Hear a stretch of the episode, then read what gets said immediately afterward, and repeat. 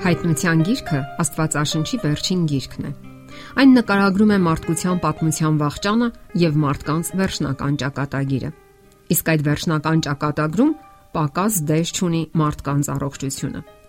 Ով չգիտի, որ հիվանդությունը քայքայում է նաև մեր հոգեկան եւ հոգեվոր ուժերը, ընկճում հոգեպես եւ կարող է վերջնականապես հուսահատության հասցնել։ Ահա թե ինչու երբեմն այսպիսի հարցեր են առաջանում մեր մեջ Արդյոք հայտնության գիրքը մեր կենսաձևի վերաբերյալ առանձնահատուկ ցուցումներ ունի։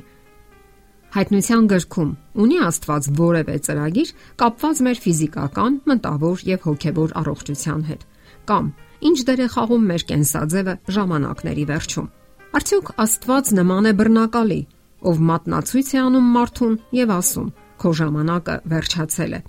Եվ վերջապես այսպիսի հարցադրում Առողջությունը պատահականության արդյունք է, թե ընտրության։ Եկեք մտորենք այս հարցերի շուրջ։ Շատ կարևոր է, թե մենք ինչ ընտրություն ենք կատարում մեր կյանքի բոլոր ոլորտներում, եւ դա կարող է կամ հավելել, կամ նվազեցնել մեր կյանքի տարիների թիվը։ Կարևոր է իմանալ, որ Աստծո հակառակորդը Սատանան ցանկանում է քայքայել մեր առողջությունը, իսկ Աստված ցանկանում է վերականգնել այն։ Այդ մասին է վկայում Աստվածաշունչը։ Այդ գիրքն այն հուսալի ուղեցույցն է, որ կարող է առաջնորդել մեզ կյանքի լաբիրինթոսներում, ընդཐུպ մինչև մեր խոհանոցը։ Մենք մարտադաշտում ենք, իսկ մարտի դաշտը մենք ենք։ Այդ մարտում որոշվում է մեր հավերժական ճակատագիրը։ Մարտ, որտեղ սատանան քայքայում է, իսկ Հիսուսը վերականգնում։ Սատանայի նպատակը մեր առողջությունը հիմնավորապես աղավաղելն է Նա ցանկանում է խլել մեր ազատությունը, մղելով դեպի կործանարար սովորությունների ստրկություն։ Այդպիսիք են օրինակ ծխախոտն ու ալկոհոլը, որը բոլորիս քաչ ծանոթ է։ Մոլորեսնելու դիվային եղանակներից մեկն էլ կեղծիքն է այն մասին, որ մեզ պարտադրված է որոշակի առողջ կենսաձև եւ այն խլում է մեր ազատությունը։ Իսկ ահա լիակատար ազատ մարդը կարող է օգտագործել ամեն ինչ՝ ալկոհոլ, ծխախոտ, թմրանյութեր եւ այլն։ Իսկ իրականում այդ ամենն է, որ ստրկության մեջ է գցում մարդկանց։ Կեղծ ազատության կողմնակիցներն ասում են, որ կարևոր չէ թե ինչ է տեղի ունենում մարմնի հետ, գլխավորն այն է, որ մեր սիրտը ուղիղ լինի Աստծո առաջ եւ որ մենք ազատ ենք ուտելու եւ խմելու այն ամենը, ինչ մեր սիրտն է ցանկանում։ Սակայն այսպիսի հետաքրքիր մոտեցում կա։ Այն թե ինչպես ենք մենք հոգում մեր մարմնի համար երկրի վրա, ցույց է տալիս, թե ինչպես կհոգանք նրա համար հավերժության մեջ։ Մարմինը տաճար է։ Այո, մեր մարմինը տաճար է մեր մեջ բնակվող Սուրբ Հոգու համար։ Հովանես Առաքյալը այսպես է գրում.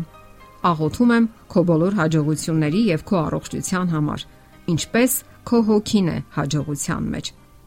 Ահա թե ինչպիսի նշանակություն էր տալիս առաքյալը առողջությանը, մարմնավոր թե հոգևոր, եւ որքան զարմանալի եւ տարօրինակ կարող են հնչել որոշ մարդկանց հայտարարություններն այն մասին, որ նշանակություն չունի թե ինչ է սուտում, նշանակություն չունի թե ինչ է սխմում,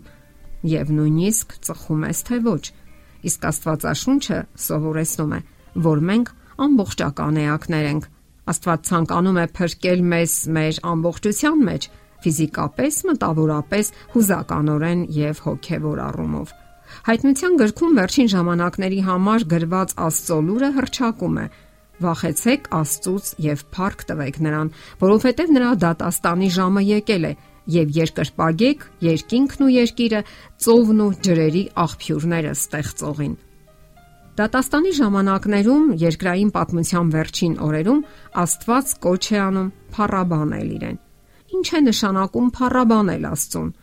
Այս հարցին պատասխանում է Պողոս Առաքյալը։ Քանզի մեծ գնով եք գնվել, ուստի փառավորեք Աստծուն ձեր մարմնի մեջ։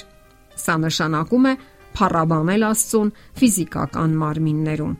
Մենք շատ թանկ գնով ենք գնվել Հիսուսի թանկագին արյան գնով, որ թափվեց Գողգոթայում։ Մենք փառաբանում ենք Աստծուն, եթե ապրում ենք ներդաշնակ այսինքն նրա տված առողջապահական օրենքներին համապատասխան եւ միևնույն ժամանակ մենք կարող ենք անպատվել նրան մեր կենսակերպով։ Աստված կոչ է անում, որ մարդիկ հավատարիմ լինեն իրեն ամեն ինչում եւ ամբողջովին նվիրաբերվեն եւ մտավոր, եւ ֆիզիկական, եւ հոգեվոր առումով։ Ահա թե ինչու անկարևոր չեն առողջ կենսաձևի կանոնները, որովհետեւ որոշ սովորություններ քայքայում են մեր մարմինը։ Ու թեև դժվար է ազատ ագրվել դրանցից, Աստված խոստացել է իր զորությունը։ Դուք կարող եք խնդրել այդ զորությունը, որովհետև ով փնտրում է, գտնում է, ով բախում է, նրան բացվում է։ Այս խոսքերում Հիսուսն ասում է, որ հոգևոր զորությունը մատչելի է բոլորին։ Աստված մեզ հոգևոր ուժ է խոստանում, իսկ Աստվածաշունչն ասում է, որ Հիսուսը մեզ ազատագրում է մեղքի ստրկությունից։ Հոգևոր եւ մարմնավոր առողջության ուղին Աստծո հրահանգները լսելը եւ դրանցով քայլերն է։ Նրա պատվիրանները պահելը։ Կարդում ենք.